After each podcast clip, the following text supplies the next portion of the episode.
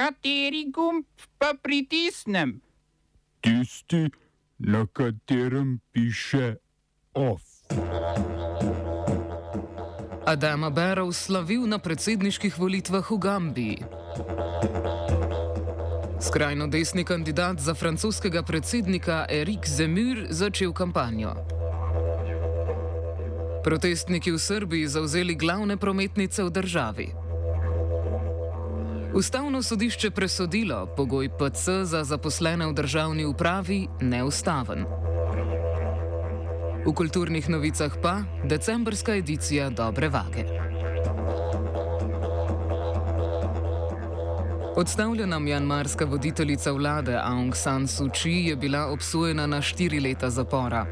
Posebno sodišče jo je spoznalo za krivo pozivanja k uporu proti vojski, ki je februarja letos nasilno prevzela vodenje države in kršenja ukrepov za preprečevanje epidemije novega koronavirusa.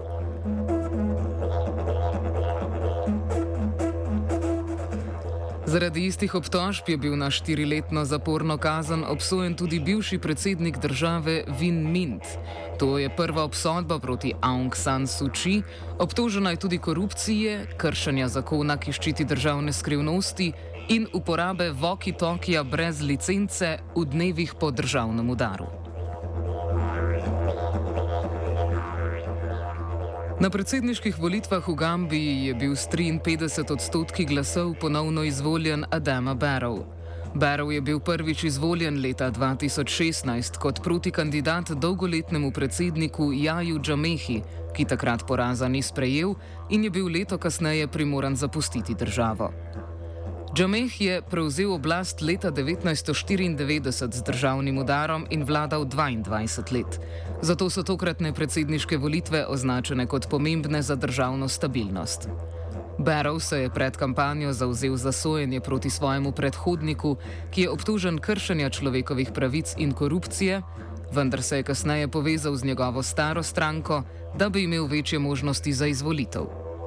Opozicija rezultatov včerajšnjih predsedniških volitev ne sprejema. Motijo predvsem pozna oziroma zakasnela oznanitev rezultatov in visoka volilna udeležba v primerjavi z registriranimi voljivci.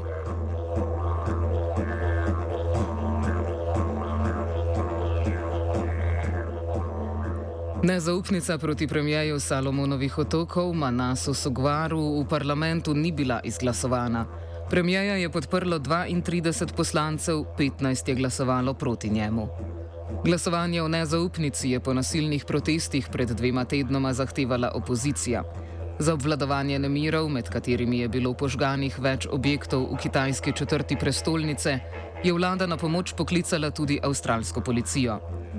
Opozicija in protestniki so Gvaru očitajo, da deluje v interesu Kitajske ter mora zaradi naklonjenosti tuji sili odstopiti. Leta 2019 so se Salomonovi otoki namreč diplomatsko približali Ljudski republiki Kitajski, s tem, ko so umaknili priznavanje oblasti na Tajvanu kot kitajske vlade. Novembrske proteste je vodila najbolj poseljena provinca Salomonovih otokov Malaita, ki je centralno oblast obtožila za nemarjanje province, premijeja pa naklonjenosti Ljudski republiki Kitajski. V indijski zvezdni deželi Nagaland je indijska vojska v streljanju na avtobus rudniških delavcev ubila 15 ljudi.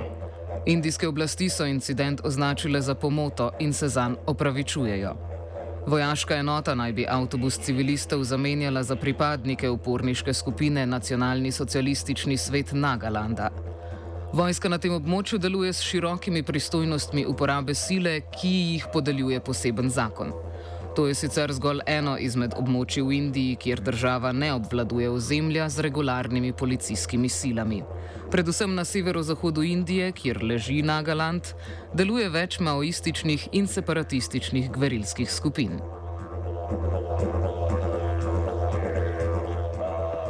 Novi kandidat za francoskega predsednika Erik Zemur je s prvim shodom v slogu Donalda Trumpa uradno otvoril svojo kampanjo. Shod v Parizu, ki se ga je udeležilo okoli 10 tisoč ljudi, pa se ni odvil mirno. Najprej se je nekdo pognal iz množice na oder in napadel predsedniškega kandidata, kasneje je prišlo do fizičnega obračuna med Zemurjevimi podporniki in protestniki, ki so nasprotovali kandidatovemu rasističnemu programu. Poškodovanih je bilo pet protestnikov. Zemurjeva stranka se imenuje Rokonket, ime spominja na Reconquisto, ki je oznaka za več sto let dolg proces krščanskega osvajanja Iberskega polotoka izpod islama. V imenu se tako zrcali osnovna točka programa nekdanjega televizijskega voditelja. Predstavil se je kot kandidat z močno protimigransko pozicijo in se zaobljubil, da bo deportiral vsakega, ki se mu bo zavrnila prošnja za azil v Franciji. Kot pričakovano je kritičen do medijev, napoveduje nižje davke za delavski razred in izstop iz NATO. Med drugim meni, da Francija ne bi smela biti podrejena odločitvam evropskih sodišč.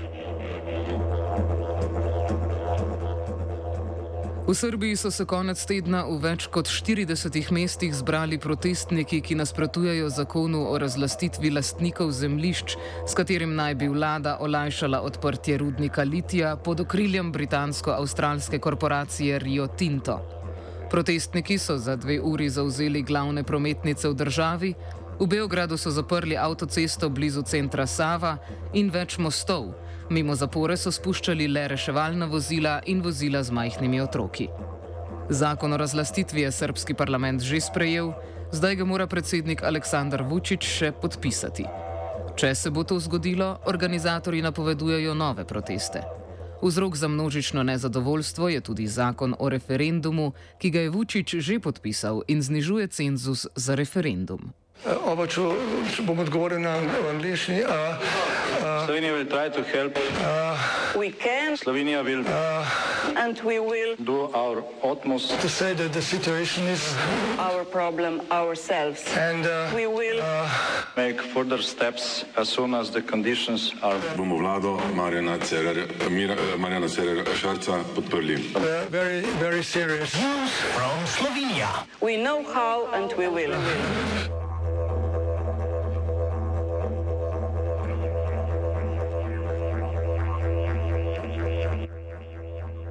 Že ustavno sodišče je odločilo, da je vladni odlog, ki je od zaposlenih v državni upravi zahteval pogoj preboleli ali cepljeni, v neskladju z ustavo. Vlada bi morala takšno zahtevo urediti z zakonom o nalezljivih boleznih. Ker tega ni naredila, ni ravnala v skladu s 120. členom ustave, ki določa, da organizacijo državne uprave ureja zakon. Sodišče je pri tem posebej poudarilo, da ni odločalo, ali bi bilo cepljenje zaposlenih kot pogoj za opravljanje določenih dejavnosti ali poklicev sorazmeren ukrep. Glede tega vprašanja ostaja neopredeljeno, odločalo je samo, ali je imel vladni ukrep ustrezno zakonsko podlago. Igor Zorčič, predsednik državnega zbora, je novelo zakona o organizaciji in financiranju vzgoje in izobraževanja umaknil z dnevnega reda decembrske seje zaradi nepravilnosti na petkovi seji odbora za izobraževanje. Petkovo sejo je vodila predsednica odbora Iva Dimic, ki je kljub protestom opozicije nadaljevala z zasedanjem po deseti uri in tako dopustila, da je seja potekala dlje, kot je bilo predvideno. Zavrnila je možnost postopkovnih predlogov in koaliciji omogočila sprejetje spornih dopolnil k noveli, ki spreminjajo sestavo svetov izobraževalnih zavodov.